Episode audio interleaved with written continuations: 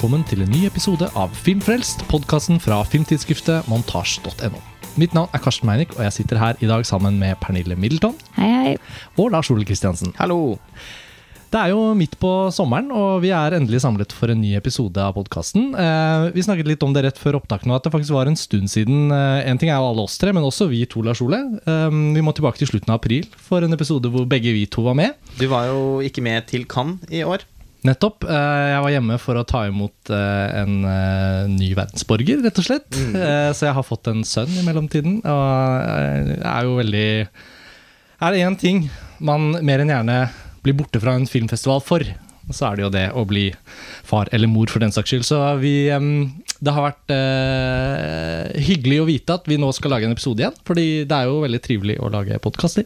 Og nå er det midt på sommeren, og da passer det jo veldig bra å snakke om en film som heter 'Midtsommer'. Ja, Det er jo litt sånn åpenbart sommerens kinobegivenhet, tenker jeg. For uh, alle, I alle fall for de mange av oss som er glad i skrekkfilm. Amerikansk skrekkfilm i særdeleshet har jo hatt en sånn skikkelig oppsving de siste årene. Ikke bare har det blitt laget mange virkelig gode eh, film, altså interessante bidrag til sjangeren, men ma veldig mange av dem i hvert fall har også vært innmari populære blant publikum. Altså De gjør skikkelig big business. Og det var jo noe av årsaken da man lagde så mye skrekkfilm på 80-tallet, f.eks., var at det var mulig å eh, som oftest mulig å lage de på relativt lavt budsjett. Og eh, kunne liksom bare pumpe de ut. Eh, gjerne utallige oppfølgere eh, i franchiser som eh, Fredag den 13 eller Nightmare on Elm Street osv. Og, så og eh, det var liksom en sånn skikkelig sånn en sparegris for eh, mange av produksjonsselskapene, som New Line Cinema f.eks. Og mm, til dels så ser man kanskje at det dukker litt opp igjen, samtidig som man også åpenbart et produksjonsselskap som A24 for eksempel, virkelig tør å satse på ambisiøs og også ganske kostbar horror. Fordi det er vanskelig å forestille seg at 'Midtsommer' har vært en billig film å lage. Er, eh, det er jo helt magisk egentlig å tenke på at Ari Aster som Altså, dette er hans andre film. Å få så stor kunstnerisk frihet, få lov til å lage en film som er to timer og 20 minutter lang, eh, og med et så åpenbart høye liksom Altså, med, med en Altså, en produksjon som som, som koster mye penger, da, som, som blir en skikkelig sånn Det er virkelig sånn at man har satset noe her, da. Og ja. Det virker som det er på en måte en, en slags ny bølge nå, som jeg er veldig med på. Med nye, unge, originale filmskapere som får mye altså, støtte og har, lager filmer som har høy produksjonsverdi. Bare se på, altså Det er en liksom gutteklubb jeg kommer til å ramse opp nå, da, men både Ari Aster og Robert Eggers, og også for meg da Trey Edward Schultz, som lagde den It Comes At Night for to år siden, som jeg også var veldig fan av. Men sånn, jeg er veldig med på tanken om at det på en måte er den nye sommerskrekken. At det det- kommer fra sånne, en sånn klubb som det der. da. David Eggers så hadde jo Altså, jeg var blant de ytterst få som ikke var så begeistret for den. Jeg vet at du var det, Pernille. Han hadde jo også en ny, veldig sånn ambisiøst påkostet horrorfilm i Cannes, The Lighthouse. Ja, altså uh, De- Robert Eggers. Robert Eggers. men- Ja, ja, ja. Men du, det glemte å nevne David Robert Mitchell. Så det var kanskje der navneforvirringen oppsto. Fordi David Robert Mitchell med It Follows Ja. var jo en del av denne, er jo en del av denne klubben. Nå har han gått litt bort fra å lage typisk horror siden forrige filmen hans, eh, Under the Silver Lake. var En litt annen type sjangerfilm. Um, jeg må bare skyte inn at um, uh, i forrige episode av Filmfrelst, som ingen av dere var med på, der satte jeg meg ned med Lars Kleveberg, den norske regissøren, uh, for å snakke om hans nye horrorfilm. Child's Play, som er jo en amerikansk produksjon. Han har da laget to filmer der borte, Polaroid og Child's Play. Vi snakket om begge to. Men produsenten på Child's Play er en Seth Graham Smith, som fikk så enorm suksess med It. Mm. Til han Muschetti, eller hva han heter. Jeg har jo ikke sett den ennå. Men eh, nå kommer jo oppfølgeren til den. Så man kan Som si etter at Sigen sigende er to timer og 45 minutter Ja. lang. Snakk om å på sin andre film i lys av den førstes eh, Altså, ja, nå er i hvert fall Det er vel ikke nødvendigvis hans andre film, Nei, nei, men, men altså eh, franchise fra, Ja. Får liksom Som belønning for den første filmens eh, håndgranatlignende sånn suksess, eh, så får man muligheten til å virkelig få frie tøyler da, i andre runde. Akkurat som er tilfellet også med Ari Aster. Og Ja, og det jeg tenker er at vi i hvert fall da ser to grener av amerikansk horror som gjør at denne bølgen liksom kan sies å være litt sånn reell. da At både de der blockbuster-grøsserne gjør det så sinnssykt bra, som It og The Conjuring og alle de der. Men så har man disse andre som vi nå har vært innom litt, som er de der litt mer independent, litt mer autørverkaktige. Og da kommer vi jo inn på Ari Asters da, andre film når vi skal komme inn, på 'Midtsommer', som nettopp det du beskrev, at han liksom får gjøre en film som ser så påkostet ut, at andre film, og at 'Hereditary', som førstefilmen hans, eh, den var jo i seg selv også ekstremt imponerende i hva den fikk ut av ressursene den eventuelt hadde tilgjengelig. da. Um, Pernille, vil du skyte inn? Nei, altså det, Nå er det litt for seint, men altså, siden du nevnte Lars Kleberg og at du nå snakker inn en nordmann, så vil jeg altså bare gi en sånn liten shout-out til at vi har jo også André Øvredal, som også kom med en ny skrekkfilm nå, som er produsert av Guillermo del Toro. Ja. Så sånn veldig morsom liten vignett til den, med sånn shout-out fra Guillermo da jeg skulle se 'Midtsommer', faktisk. Så skvatt jeg litt og bare sånn Ja visst, her har Guillermo vært inn på banen, det må jo kanskje bli litt spennende, da. Ja, ja. Og jeg har kjempetro på André. Øvredal. Jeg, jeg gleder meg veldig til den. Og jeg så jo etter mye god buzz, bl.a. fra deg, Lars Ole, så så vi jo her hjemme ikke noen uh, Autopsy of Jane Doe. Uh, Den er jo kjempebra. ja, ja, ja, sånn var det. Sånn var det. Og den var jo veldig imponerende. Og en annen Ja, film jeg har fått sett Særlig den første halvdelen. Ja. Av uh, den, så, som de aller fleste horrorfilmer. Ganske mange horrorfilmer klapper litt sammen idet de er nødt til å forklare seg selv eh, mot slutten. Men altså, den første halvdelen av The Autopsy of Jane Doe var virkelig altså, isnende nips. da Jeg syns den holder også det, holder det såpass høyt eh, ganske, altså gjennom hele filmen. ja.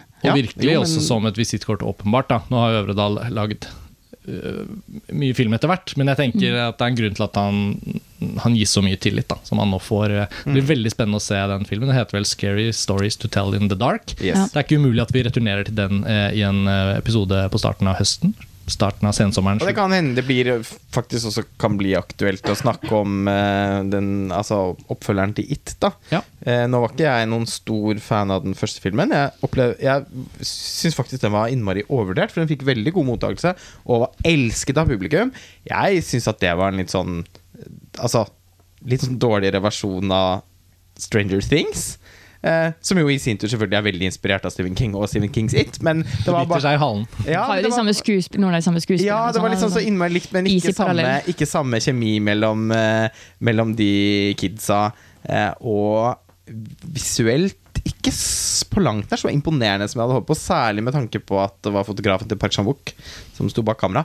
Men, men. Eh, når det er sagt, så syns jeg den traileren til den andre filmen Chapter 2. ja, jeg må si at jeg syns den ser ganske lovende ut. Og jeg bare liker og, Altså, det at de har så høy grad av selvtillit at de går ut og sier ja, den blir to timer og 45 minutter lang. Egentlig var den fire timer, men det ble litt uh, for langt. Selv om det kanskje er mister han jo sitt kommersielle publikum med en gang. Men, det, men han, han, sa- Muchetti har jo sagt at uh, det kan bli aktuelt å lansere firetimersversjonen på Blu-ray eller streaming etterpå.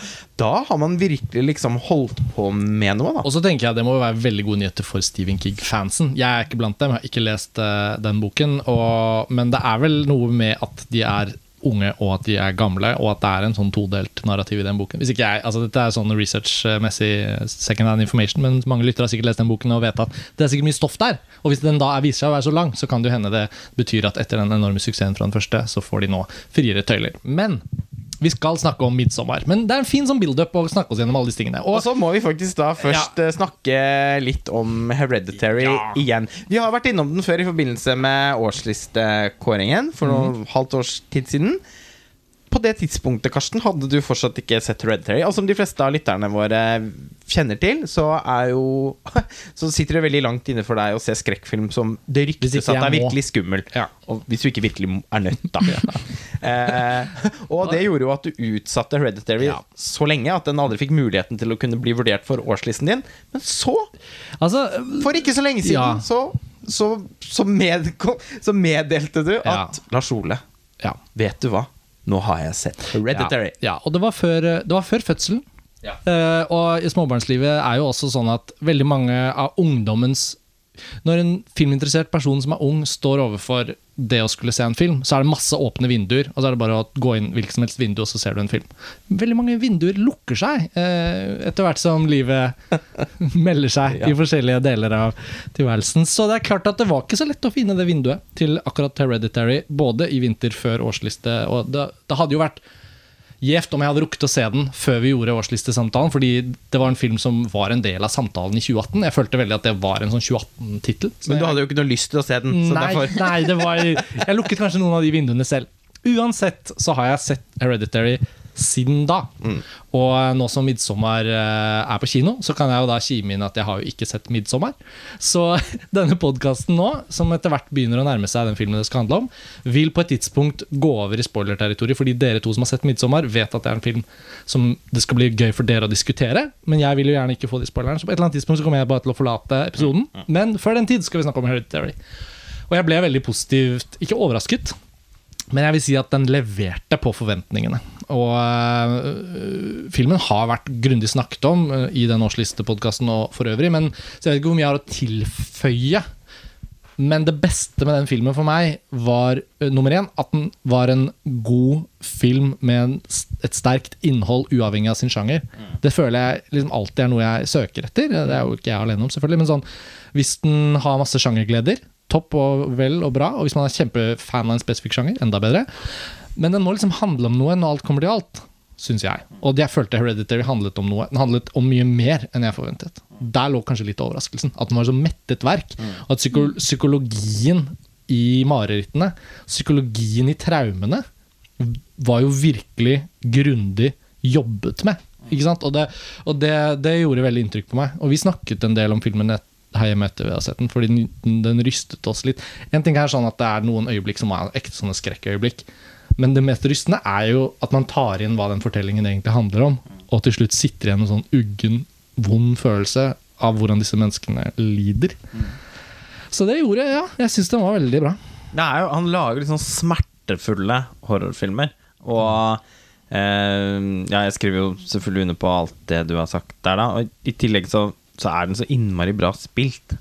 Alle skuespillerne Den hadde jo- skikkelig. Tony Collette kunne jo helt fint forsvart og ble Oscar-nominert. Jeg syns det var en skandale at Mm. ikke ble Oscar-nominert. Bare fjeset hennes i seg selv, egentlig. syns hun skulle ha vunnet! Ja. Altså, det er jo faktisk en tenkte, slags jeg tenkte det, sorry, så det, er hennes år! Ja. Ja! Ja. men, opp, men altså, den rollefiguren er jo en sjelelig Rollefiguren er jo en sjelelig fortsettelse av moren hennes fra Den sjette sansen. Det tenkte jeg mye på. Oh, ja. Og det er også en fantastisk rolletolkning fra henne. Hun er jo egentlig en sånn Hun er ikke underappreciated, men jeg føler likevel at Tony Collette Hun har jevnt over egentlig vært så bra så mange ganger Mm. at det liksom ikke Hun er ikke anerkjent så mye som hun kanskje burde ha vært. Nei. Ja. Og så er jo filmen altså hvis du, du kan jo kanskje si noe om hva du tenker rundt uh, Ari Aster sin registil. Ja, fordi, og det husker jeg også at jeg hørte jo på samtalen dere hadde den Altså Det var ikke komplett jevn enighet om Hereditary Nei, den gang. jeg var Noen, var absolutt mest begeistret. Ja. Og, og det, det jeg det, det er jo flere punkter, men man må nesten starte med at det er en debutfilm. Og så ser man en så sikker, altså fortalt og visualisert film. Det føles jo ikke som at han trår på tynn is noe sted og, og mange debuter jeg elsker, har masse skjønnhetsfeil. Som er sånn, yeah. Men det er noe sånn perfekt Det er noe sånn, sånn Jeg vil ikke si kubrikiansk, men den har noe sånn Den har en sånn formsikkerhet som i hvert fall sånn Jorgos Lantimos, da. Eh, kanskje ikke Knetta, liksom, som var hans debut, men liksom Dogtooth. Dog- Dog Da. da den filmen kom, og man så den, så bare gulp, liksom. Altså, her er jo alt på plass. Hele kan- visjonen, altså dette huset, liksom tanken om en sånn helhetlig filmatisk verden, og hva den skal handle om, og hva han bruker av uttrykk. Det lignet litt på det, selv om de filmene ikke har så mye til felles. Mm, Det kan nok ha mye med å, å gjøre at han brukte nesten ti år på å få det til. Fordi Jeg leste et intervju med han i Vulture, eh, og han, gikk, han er vel rundt 34-35 år gammel nå. Og han har jo brukt eh, samlet ti år på å få til både Hereditary og Midsommar. Og det er derfor de skjedde så samtidig. så han, ja. han fullførte og var i grading på Hereditary før han liksom måtte bare smukke rett til Ungarn og begynne på Midsommar. Så han fikk jo aldri engang opplevd den suksessen. Men altså, Og- er dette jeg Hører ørene mine riktig nå? Er det sånn at 'Midtsommer' ikke var en presang for Hereditary sin suksess? Han jobbet med den altså nesten Det var alltid avklart at han skulle lage de. Jeg vet ikke om 'Midsommar' har vært i planene like lenge som 'Hereditary', men jeg vet at han brukte ekstremt lang tid på 'Hereditary'. Og så var det liksom smukk rett inn på å begynne på 'Midsommar', før i det hele tatt Hereditary hadde, Hereditary hadde lagt seg. Så Altså, det minner jo litt om, Nå parafraserer jeg bitte litt her, da, men jeg mener å huske at både Barry Jenkins og Damien Chazelle hadde prosjekter som var liksom klart utviklet i skuffen, ting de hadde skrevet, som var vanskelig å få lagd. Og så var det sånn Det ble Whiplash, og det ble Moonlight. Og fordi de ble suksesser, så sånn Så kommer produsenter med penger og sier ok, hva, har du noe mer? Og da er det jo liksom, hvis du da har en til film nesten klar, eller et manus eller noe som liksom Så tar de jo gjerne noe som betyr veldig mye for dem, men som har vært vanskelig å finansiere. Sånn, så i hvert fall Barry Jenkins snakket jo mye om det.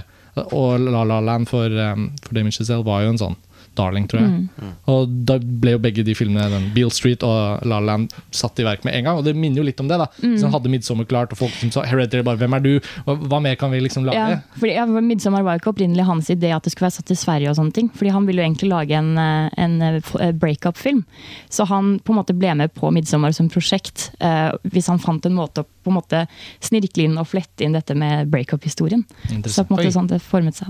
Mm. Så overgangen fra Hereditary til Midsommar og på et eller annet tidspunkt hvor, hvor dere vil liksom diskutere spoiler-territoriet, så skal jeg trekke meg ut av samtalen. Ja. Før den tid, eh, hva kan vi si til lytterne om Midsommar, hvis man ikke har sett trailere og kanskje ikke helt er, men liksom kanskje sett plakaten og skjønner at det er noe svensk? Vi kan si i hvert fall med en gang at ikke man burde ta med barn på midtsommer. fordi det er jo, har jo gått viralt på internett nå, et videoklipp av en mor som drar med en gråtende seksåring ut fra midtsommer. Eh, skjønner ikke helt Norge? hvorfor. Nei. Nei, det var vel ikke Norge. Jeg tror det var i USA. Men det var altfor sent ut i filmen. Ja, det er visst noen som har forsøkt å identifisere hvor jeg Jeg stoler ikke helt på at det er riktig, altså, men det var, var noe et eller annet på at det var, det var altfor langt ut i filmen. i hvert fall. Og det, har, det, det, det er det lett å fastslå, fordi at uh, anslaget til filmen er altså så jævlig. Ja, det er Og det var rett Helt Å ja, den er grusom med en ja, gang. med Ja. en gang. Det var rett inn i verste hereditary-land. Oh, ja. Liksom, et av de grusomste rommene i Hereditary-huset. ja, ja, med. Med en gang. Oi. Og det var sånn- Kjenner jeg gruer meg litt. Ja, jeg så den sammen med nevøen min.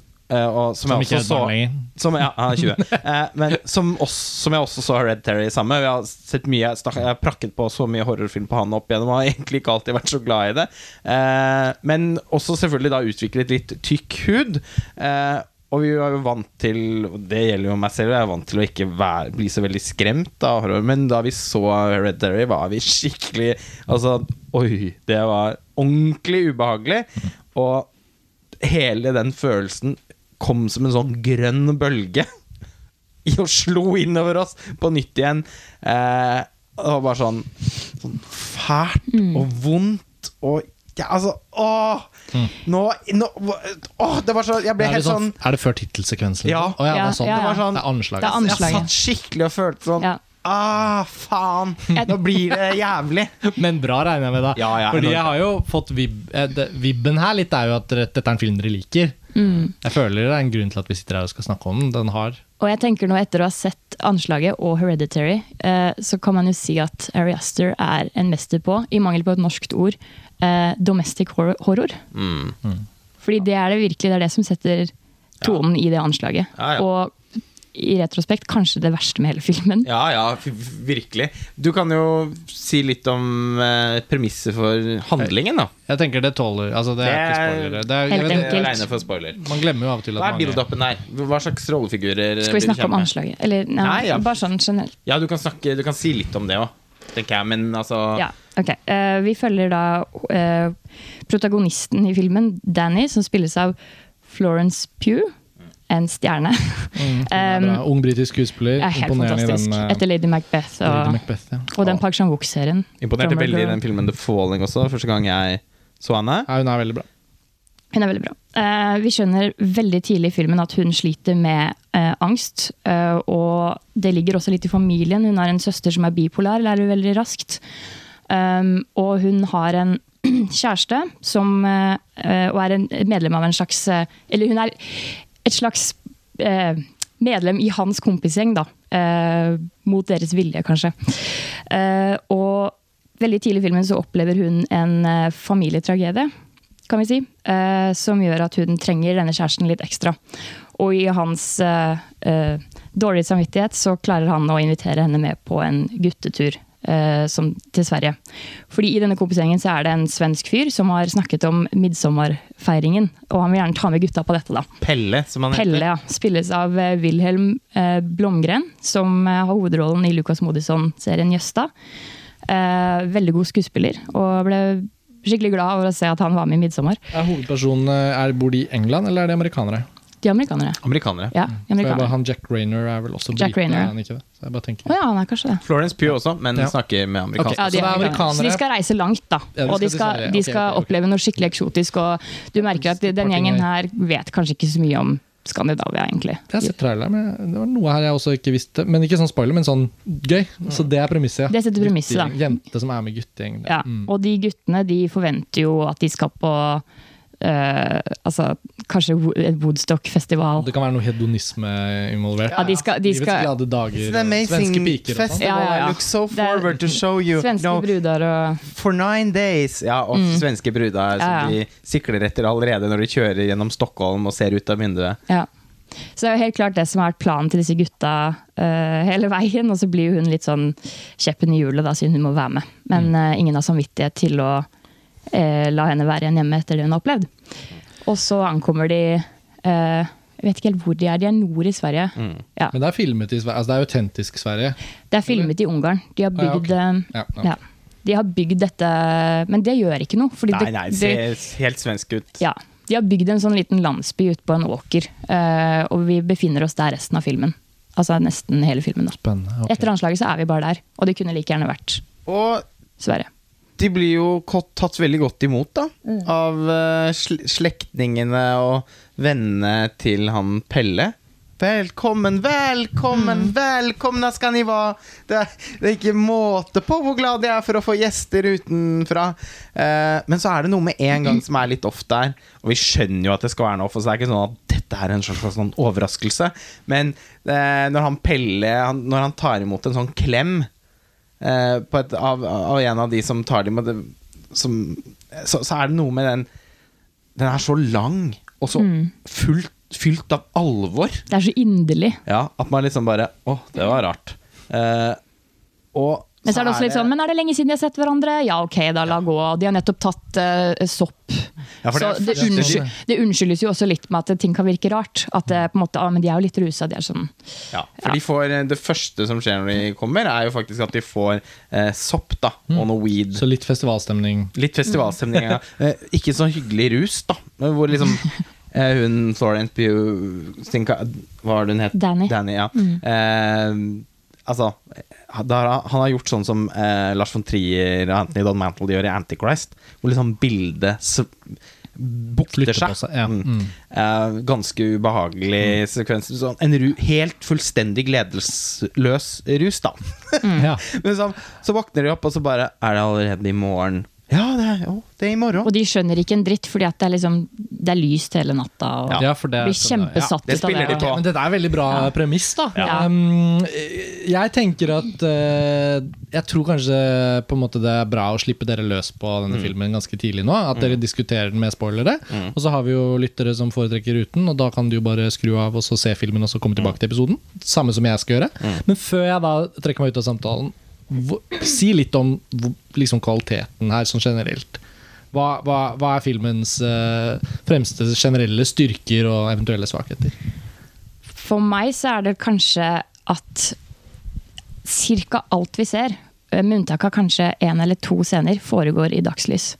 Jeg syns det er skikkelig skikkelig stilig. At han, han klarer på en måte å fremkalle en sånn vemmelig, ubehagelig følelse i vakre farger, masse blomster, en superidyllisk setting.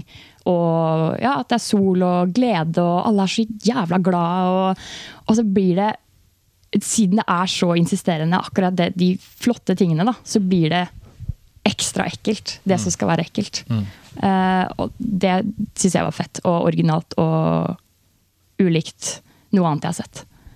Den Altså, jeg må si at jeg syns filmen er bare helt fantastisk, da. En av årets aller beste. Ja, det er såpass, ja. Eh, ja. Og en umiddelbar klassiker i, i horrorsjangeren, da. Og det er jo Det er sjelden å se en så ambisiøs og så underlig film. Altså sånn eh, horrorfilm. Den, den er jo eh, Ikke bare fordi den utspiller seg eh, så å si i sin helhet i dagslys, i sånt, men det er noe med hele sånn tonen i filmen. Den er langsom, Den består i veldig stor grad av repetisjoner. Det er veldig mange ritualer som skal gjennom, og seremonier som skal gjennomføres. Det går langsomt. Mm. man lulles sakte, men sikkert inn i den samme kvalmen som de rollefigurene kjenner. For det er hele tiden noe som Det skal liksom være hyggelig, men så er det åpenbart at det ikke er det. Men det er ingen som tør å si ifra. Nei. Fordi den også handler om det å gå i møte med en fremmed kultur, om eksotisme, om hvordan man prøver å liksom unngå å, eh, å, å fortolke eh, annerledesheter som noe negativt, bare fordi det er annerledes fra det en selv er vant til. Og en ting som også er veldig viktig her, som de understreker flere ganger, er at akkurat den spesifikke feiringen de er med på nå, denne midsommeren, er, skjer bare hvert 90. år. Så det er en veldig spesiell utgave, da. Og da blir det ekstra stort. Og det Og er, det er tradisjon, og det er liksom kultur, og det er Ja. og det er hva- altså De får ikke liksom mer enn ankommet Sverige før Ari Aster gjør grep da som å sette, plassere kamera opp ned. Men på moten nå, med tanke på Marcel Revs eh, fotokrumspring i Euphoria. Og også den de- altså filmen til Sam Levinson, eh, 'Assassination Nation', som vi kanskje kommer tilbake til på eh, på et tidspunkt. Vi får se. Eh, men Og det er noe med Den er skutt digitalt, men på, en, på den bra måten. Altså det, er ikke, ikke, det er ikke sånn at han utnytter det liksom, potensialet i en digital estetikk, men det, det er bare så gjennomarbeidet at det ikke Det, det, har, det har fortsatt en, liksom, en tekstur og en Og, og det, er bare Looken for filmen er åpenbart sånn veldig, veldig gjennomarbeida og helt ufyselig. Det er jo liksom vakre sommerbilder, men, de er, men det er aldri noe fint likevel. Fordi det er sånn grønn, sånn kvalmende blågrønn Mugggrønt skjær gjennom hele filmen. Også på sitt mest sånn solopplyste. Eh, Det er litt sånn softfokus. Minner veldig mye om Roman Polanski. Og det er ikke bare foto, men hele tonen i filmen. Og altså, Rosemary's Baby eh, er jo umulig tenk, å ikke tenke på for meg, fordi det er en av mine favorittfilmer. Men den, det sekteriske her, eh, og den det å være et menneske som ikke klarer å si nei, som ikke klarer å liksom som ikke klarer å si 'vet du hva, jeg, jeg, jeg må bare gå hjem', jeg. jeg. Men også det at det ikke er mulig, da. Man er jo isolert, man kan jo ikke bare stikke De derfra. sosiale kravene, det høres ut som dere liksom Fordi, men hadde de liksom eh, hatt virkelig lyst til å stikke av, så kunne de jo stukket av. Det var jo bare å finne det perfekte tidspunktet på natta og pile ut i skauen allerede etter den første kvelden. Det var jo allerede helt åpenbart. Men- Her vil man ikke tilbringe ni dager! Men man ser jo også hva som skjedde med noen som forsøkte på det, da. Ja. Ja. Men altså sånn Det er, så- det minner meg om en scene fra The Girl with the Dragon 2 eh, til Davy Fincher, hvor Stellan Skarsgård, eh, som spiller Martin Wanger, morderen eh, i den filmen, som, som sier til eh, Michael Blomkvist Men du hadde jo muligheten til å dra. Du visste jo at det var meg! Hvorfor, du, hvor, hvorfor gjorde du ikke det? For det sitter, også sier det, sånn Det sitter så langt inne for folk. Og den sosiale eh, Liksom u, en, en uavklart, ubehagelig sosial situasjon er så ubehagelig for folk at noen faktisk risikerer livet sitt for å opprettholde det. ja, altså, Det er helt sprøtt å tenke på, men litt sånn er vi mennesker. Jeg føler filmen spiller veldig på det, som også Rosbergs Baby gjør, da.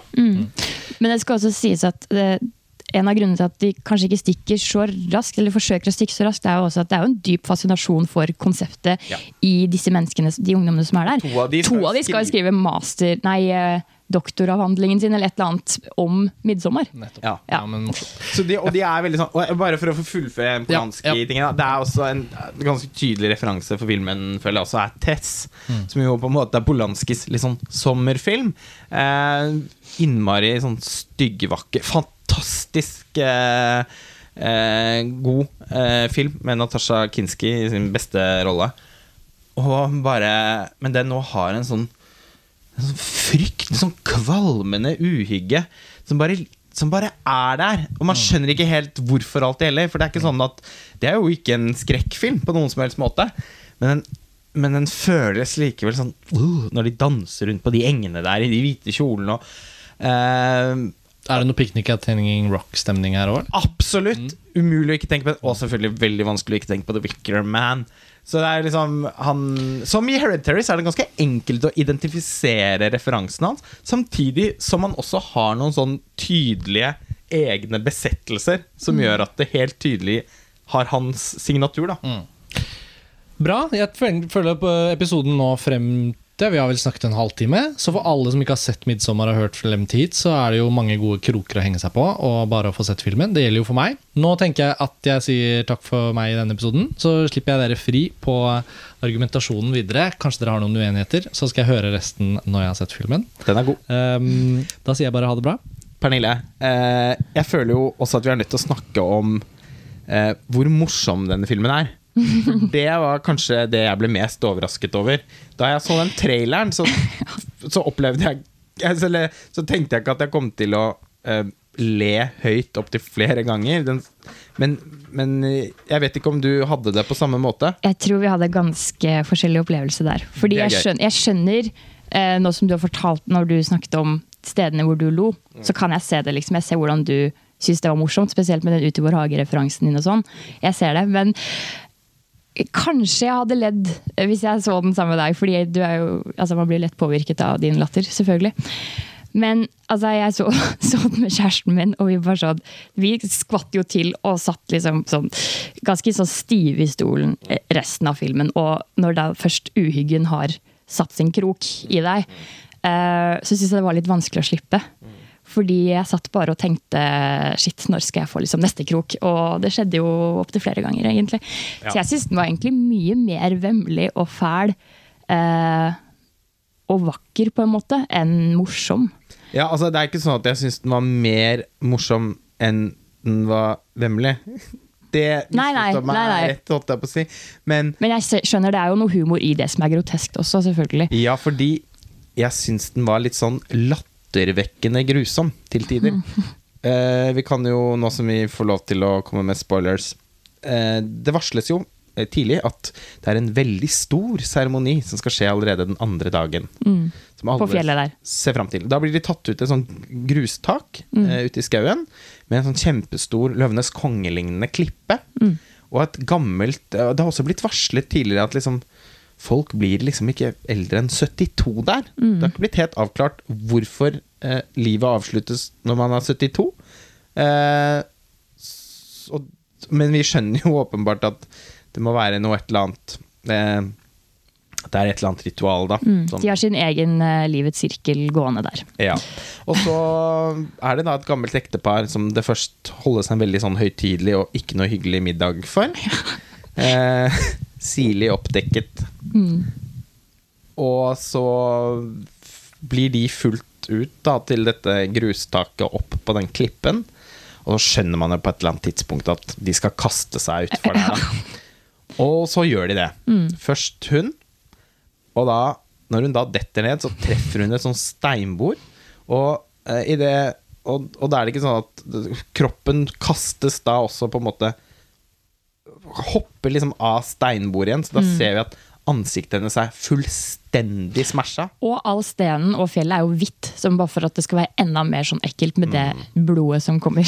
Altså, det, det, altså, hodet ser ut som liksom Det som er igjen, som vi får det, er bare et par sekunder, men det er nok til at det har brent seg inn på netthinnen min. Altså, Ja, ja. som eh, den siste skiven av en tomat, på en Ja. måte.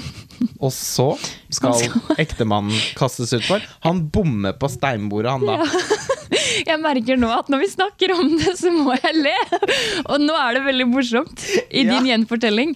Men da jeg så det da, så var det sånn Det var så vemmelig og ekkelt ved første øyekast. jeg synes Det var så Ja, det er jo kjempemorsomt at han bare brekker ben og ligger der. Og, og så eh, får han eh, bommer på steinbordet, og hele underkroppen omtrent er knust. Men, men han lever fortsatt. Og da Oi! Oh, ah, og de andre står jo sånn Ja. og har en eller annen sånn, sånn sang eller noe sånt som synger. Og så blir det tre utkåret, tre heldige, som stiger frem. Med slegga. To jenter og en mann. Med en sånn enormt overdimensjonert treslegge. Ja. Helt sykt latterlig stor. Som de da én etter én uh, hogg, altså, hogger kjempehardt mot hodet hans, som vi får se at det blir delt i to som et eple. Eh, helt latterlig grafisk og brutalt. Og de gjør det én etter en, til han da selvfølgelig bare er en eneste sol lasagne nede på bakken der. Og de amerikanske gjestene begynner jo naturligvis Og de har jo fått panikkangst når de står What? Og, og Pelle so, I'm so sorry that yeah. I didn't tell you about Ja. It's tradition, It's tradition, it's tradition. It's how we view Yeah. life. They wanted Yeah, this. They, they, have been looking this. forward to Yeah, this for yeah. many, many It's an years. honor. Og jeg bare Ja, kom og fortell meg at han har gleda seg til å få den Slegga gjennom huet! Fy faen. Eh, og og det, bare hele den settingen syns jeg var veldig komisk. Og det var ikke sånn at det var sånn Nei, dette blir bare teit. På ingen måte. Jeg synes det var frykt det var kvalmende grusomt, men også så, altså, der kroppen min reagerer med latter, også fordi jeg begynner å forestille liksom, hvordan hadde man selv reagert på en så Ja, sosialt awkward situasjon. Og istedenfor å bare løpe til skogs, så blir de med dem en runde til, da. Mm. Det er tilbake til campen. Det er å gå og legge seg i den kjempeubehagelige sovesalen med masse eh, altså sånn masse seksuelle malerier på veggene. Sånn stygge, dårlige tegninger av typen man ser på sånn typisk sånn leirskolehus og speiderhuset. Som sånn, sånn fæle, hjemmelagde tegninger. Men veldig kule. Masse frampek i de maleriene. Masse frampek. Mm. Eh, he- med liksom eh, peniser som gråter blod, og glefsende vaginaer. Klipping av noen Sånn- ja. og ja. Som sånn, men i et sånt sånn hyggelig univers med Mm. sol og smil og noe bakverk på bordet. Jeg vet ikke hva. Eh, det er noe med helt ja, det er veldig absurd. Og så, og så begynner de da å unnskylde overfor seg selv. Mm. But maybe They would probably feel that our way to treat elderly people It's is weird. We're putting them in a home. It's grotesque. Yeah. yeah. maybe this is something better. Ba, Nei, kom igjen! Yeah. Det er ikke bedre å bli slått i huet! Ja, det er jo så sykt. Altså, rett etter det har skjedd, når de friker ut, så, så trenger det liksom bare de får en liten forklaring på tre-fire minutter av hun ene damen som forteller at hun er nestemann ut. Det er hun som er på en måte neste rekka som skal stå på den klippen hun blir gammel. Bare sånn Jo, men skjønner dere ikke at dette er jo, dette er jo nåde? Vi vil jo bare avslutte livet før vi blir syke, og før det går for langt. Og vi, vi gidder ikke å lide en, en sakte død og bli gamle. Er dere gale? Vi vil avslutte det mens vi er på topp. Og det er liksom. naturlig å Og det er jo helt rimelig å lese det som et slags sleivspark til en sånn politisk korrekt tilnærming til, eh, til andre kulturer. Eh, og sånn at det kan det nesten virke litt sånn reaksjonært, men jeg tror ikke det stikker så dypt. Da. Jeg tror det bare er for lollen sin skyld. Eh, jeg, jeg opplever veldig at Ari Aster bare leker seg med noen ideer. Og han eh, har jo, selv om han sikkert ikke fra tidligere har noe kjempenært forhold til Sverige, foruten Ingmar Bergman sine filmer, som jeg vet at han er veldig opptatt av. Er veldig opptatt av framing og close-ups. og Ja. ja. Så Sven Nyke sine nærbilder og sånn han snakket masse om i intervjuer. Så, men han eh, må jo, Jeg må jo si at jeg syns virkelig han tar Sverige på kornet her, da. Med alle disse Det, det fins jo i se den fantastiske NRK-serien Ut i vår hage til Harald Eia, Bård Tufte Johansen og Atle Antonsen fra henholdsvis 2003 og kan det være 2006 eller 2007? Så lenge siden, ja. Mm. Eh, to sesonger. Og i sesong to så heter vel den Så er det den første episoden der som, eh, som handler om svensk midtsommer. Og, så, og, og den svenske sommeren og alle sånn Det, det er reker, reker! Og det er masse sånne det, de har, det er litt latterlig noen ganger med Sverige hvordan de har sånn egne spesialuttrykk for helt vanlige ting. Fordi Kreftskive og Kreft, ja, ja, men sånn Å, jo, men det er det er bare den vanlige kreftskiven. Det her er efter eh, efterkveldskreftskivan. Altså, de har det sånn og, og, og da har de lekt sammen noen sånn uttrykk eh, i sånn, Uttrykket 'byksmogen', for eksempel, som eh, betyr at man eh, Kjønnsmoden? Er kjønnsmoden, eller at man er over den seksuelle lavalder. Eh, rotvelta er et sånt begrep de bruker for et tre som er veltet. som- Er det det som han ene tisser på, og så Ja. blir det helt eh, skandale? Den Ja. ene amerikaneren ender med å tisse på det treet og bli Det var ganske morsomt at han aldri lot det gå, han enn svensken. Nei, han, han var sånn Hva faen hender? Ja. Han, det, han På forfedrene! Ja, for han, skal Det er rotvelten! da jeg, lo jeg også ganske godt. Eh, og i det, i det hele tatt så er det Apropos Ute i vår hage, jeg klarte ikke å ikke tenke på er en annen parallell. episode der heller, ja, som heter Frelseren, fra første sesong. Uh, hvor det, der er det jo en med Down syndrom som, som lager noe sånn Bruker noe sjablonger som han tisser på i snøen. Og som på en eller annen måte staker ut for framtiden. Eh, og i, det er en slags sånn parodi på The Matrix, blant annet. Det er en fantastisk morsom episode. Eh, regissert av Arild Frølich. Ok. Eh, mens den eh, Og i eh, 'Midtsommer' så er det jo da en sånn innavlet gutt som har, som har veldig store altså, funksjonsskader. Som- Ruben. Ruben heter han. Og han maler bilder i en bok som er helt Altså, det er bare sånn Det er bibelen ba-. Bare rør. Og det er liksom bibelen deres. Og de Den fins det mange bind av. veldig mange bind. Og det er alt den utvalgte, som vi kaller det. Han, vedkommende er alltid innavlet, da. Gjennom mange generasjoner. Eh, for de ønsker liksom å få et slags sånn det, det frie, ufiltrerte uttrykket.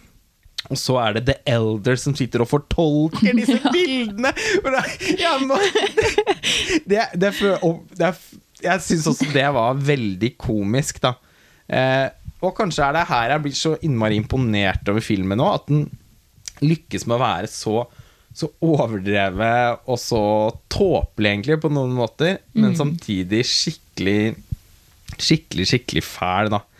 Og etter hvert som de her eh, ritualene gjentas igjen og igjen, og den ubehagelige musikken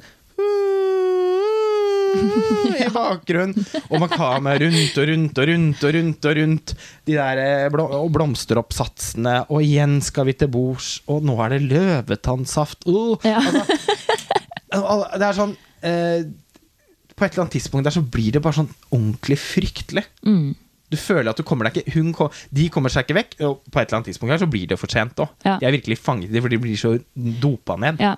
Det blir som en slags sånn groundhog day, at man bare våkner opp til det samme om og om igjen. og Det er bare, det, er- ja, det er eh, ritualer på ritualer på ritualer, og du skjønner ikke en dritt av det. og Du, bare, du må bare være med på liksom, den, den tredemølla av uh, jævelskap. Og de blir liksom Og de blir jo ikke utmatta selv engang. De bare De danser med. De koser seg. Men de er rusa, da. Ja, de er blir jo servert eh, sånn for ymse typer slags ayahuasca. Eh, Mm. It's men- good for you. Ja. It lets down your fences. Å ja, ok.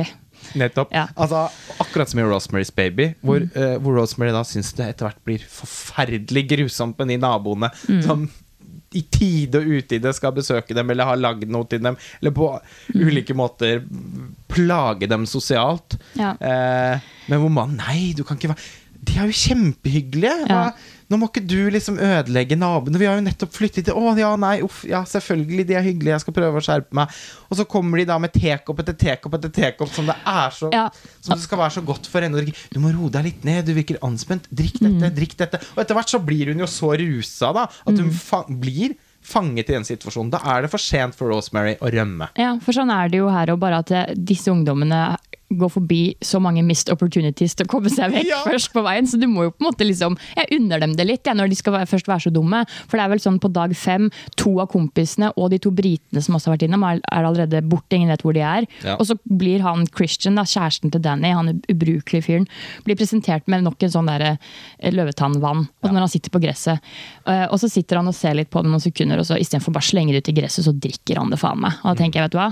You have everything coming, ass. Ja, Og det har han nå. Ja, ja, fordi det har han. kommer. Det kommer. Eh, og da Og det beveger vi oss inn i noen fryktelig hemske sånn uh, orgielignende sekvenser som også Altså eh, Det er jo igjen vanskelig å det, Mange som har sett Rosemary's Baby, vil jo også for alltid forbinde sånn gamle, nakne mennesker stående uhyggelig rundt i ring med den filmen. Eh, de dukket jo også opp da, i Hereditary, mot slutten, i den trehytta. Ja, ja, ja.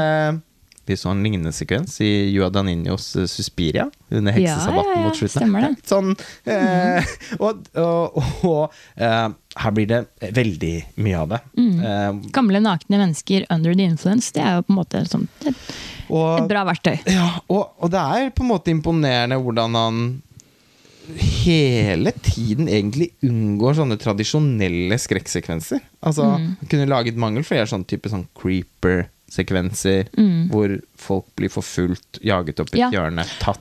Fordi premisset til den filmen her kunne så lett ha blitt en sånn utrolig standard kunne vært en slasher der ute. Ja, en litt sånn dårlig sånn The Hills Have Eyes, Wrong Turn, uh, Turistas Altså, jeg har sett så mange av det slaget, liksom. Uh, og han unngår det så glatt ved å på en måte unngå de mest klisjéfylte tropene.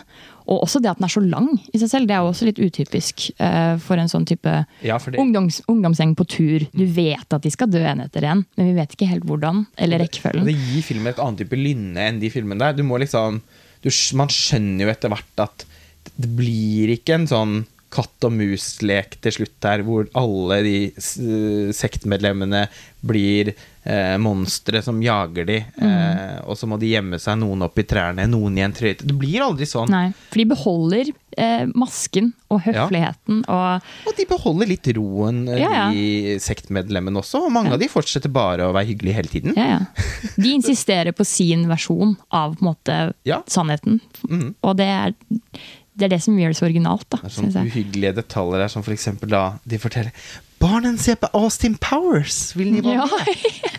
Så det er sånn «Wow, Austin Powers er jo utdatert! Eh, det er sånn, mm, sånn sekter som, som, som gjerne liksom åpner opp for noen popkulturelle innslag etter hvert, mange år etter at alle andre er ferdig med det har gått videre. Vært og plukket noe fysisk og tatt Ja. med. Det er, sånn, det, er det eneste fra, fra verden Austin utenfor. Powers, det er Ja. roligt. Ja. Åh, det er sånn det er sånne små detaljer hele tiden som jeg bare syns er så makeløst bra. Produksjonsdesign og bare det jeg har sagt, det er fantastisk. Eh, Mm. I all sin de- enkelhet, på en Ja. måte, men, Men superuttrykksfullt. Mm. Eh, Bare den blomstersatsingen, oppsatsingen hun sitter i Ja. på slutten, hvor hun ser ut som en slags sånn En, en hufsa av blomster. Mm. en hufsa av blomster, ja. Ja. Og det, det sånn tipi-lignende trehuset som det, det, den siste seremonien skal foregå i. Mm. Sånn skrikende gult.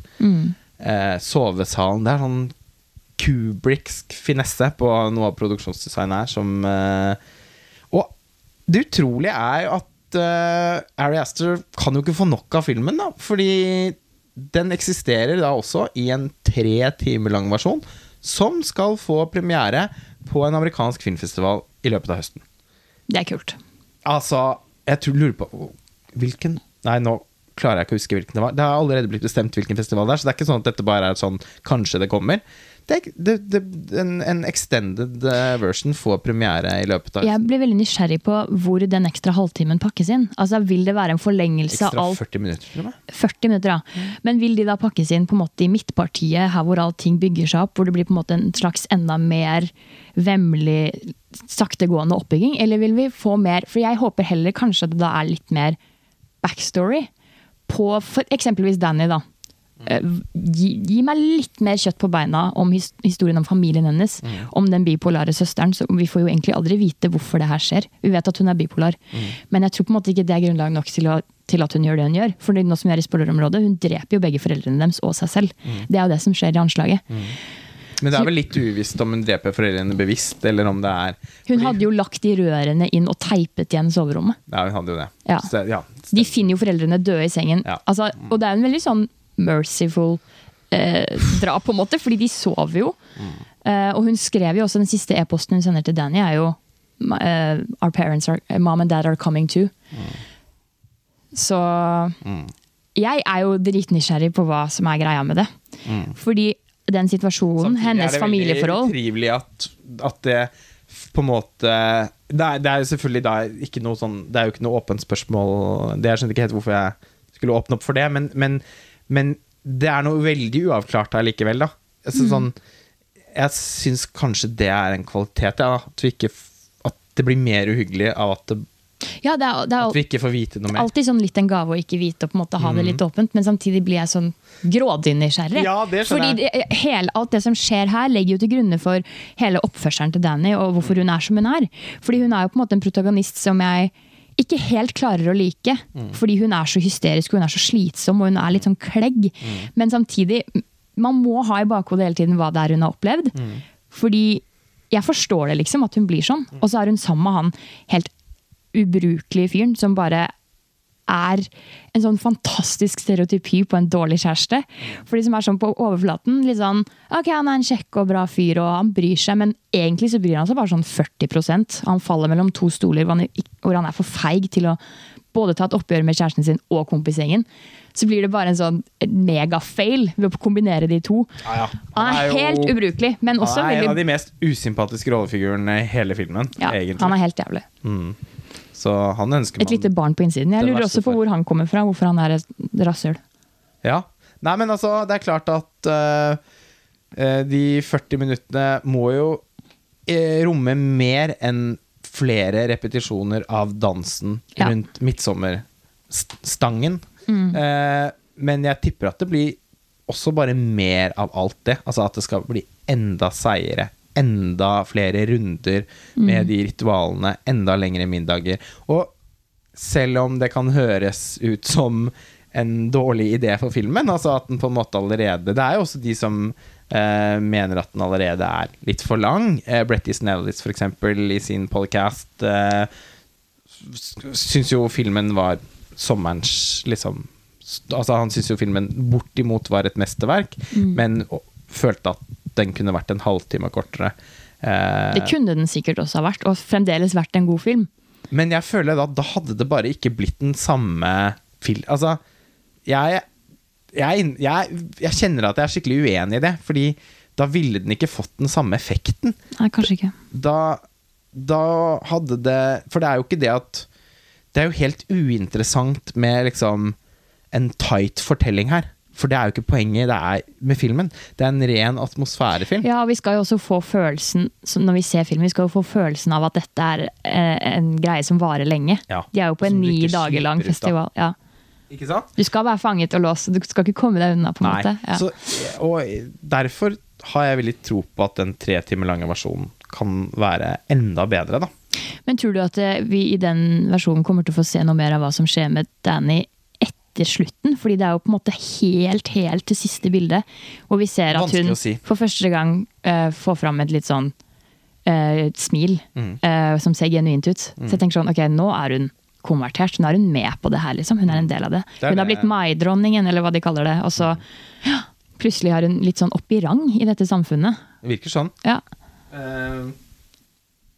Det er på en måte en perfekt avslutning for filmen nå. Så. det er jo det. Det, er Nei, men det, blir opp det blir virkelig spennende da å, å se. Og jeg, får, jeg, jeg, bare sitter med en ganske sterk følelse av at, det, at den bare blir et enda større og mer kompromissløst verk. da Ja. Egentlig utrolig merkelig at denne filmen liksom ikke ble en festivalfilm. Mm. Kan hende de var redd for å få dårlig festivalbuzz, og dermed på en eller annen måte ikke ha helt kontroll over hvordan filmen skulle Altså, det, mar, mar, dette med markedsføring av, av, av film De er jo utrolig gode på det i A24, da. Absolutt, jeg og burde jo da også være innmari selvsikre. Jeg tenker at De burde vært selvsikre nok til å ha kjørt den filmen det, Men altså, vi vet jo ikke, det kan godt hende at de ønsket at den skulle få premiere i Cannes. Jeg vet ikke. Men det ville jo være utrolig rart. Altså, filmen er jo så åp altså, åpenbart god at uh, jeg tenkte den hadde gått rett inn i hovedkonkurransen. Og det er virkelig også en festivalfilm. Så, og det er ikke det de gjør. ikke noe Det er helt fint at den bare har premiere nå på sommeren. Morsomt å se den nå, istedenfor å se den blant, klemt innimellom de andre 30 filmene i Cannes. Men, uh, men jeg føler skikkelig at filmen burde ha brust litt med fjærene i en sånn type setting. Da. Mm. Nei, jeg, jeg vet ikke hva som har skjedd der.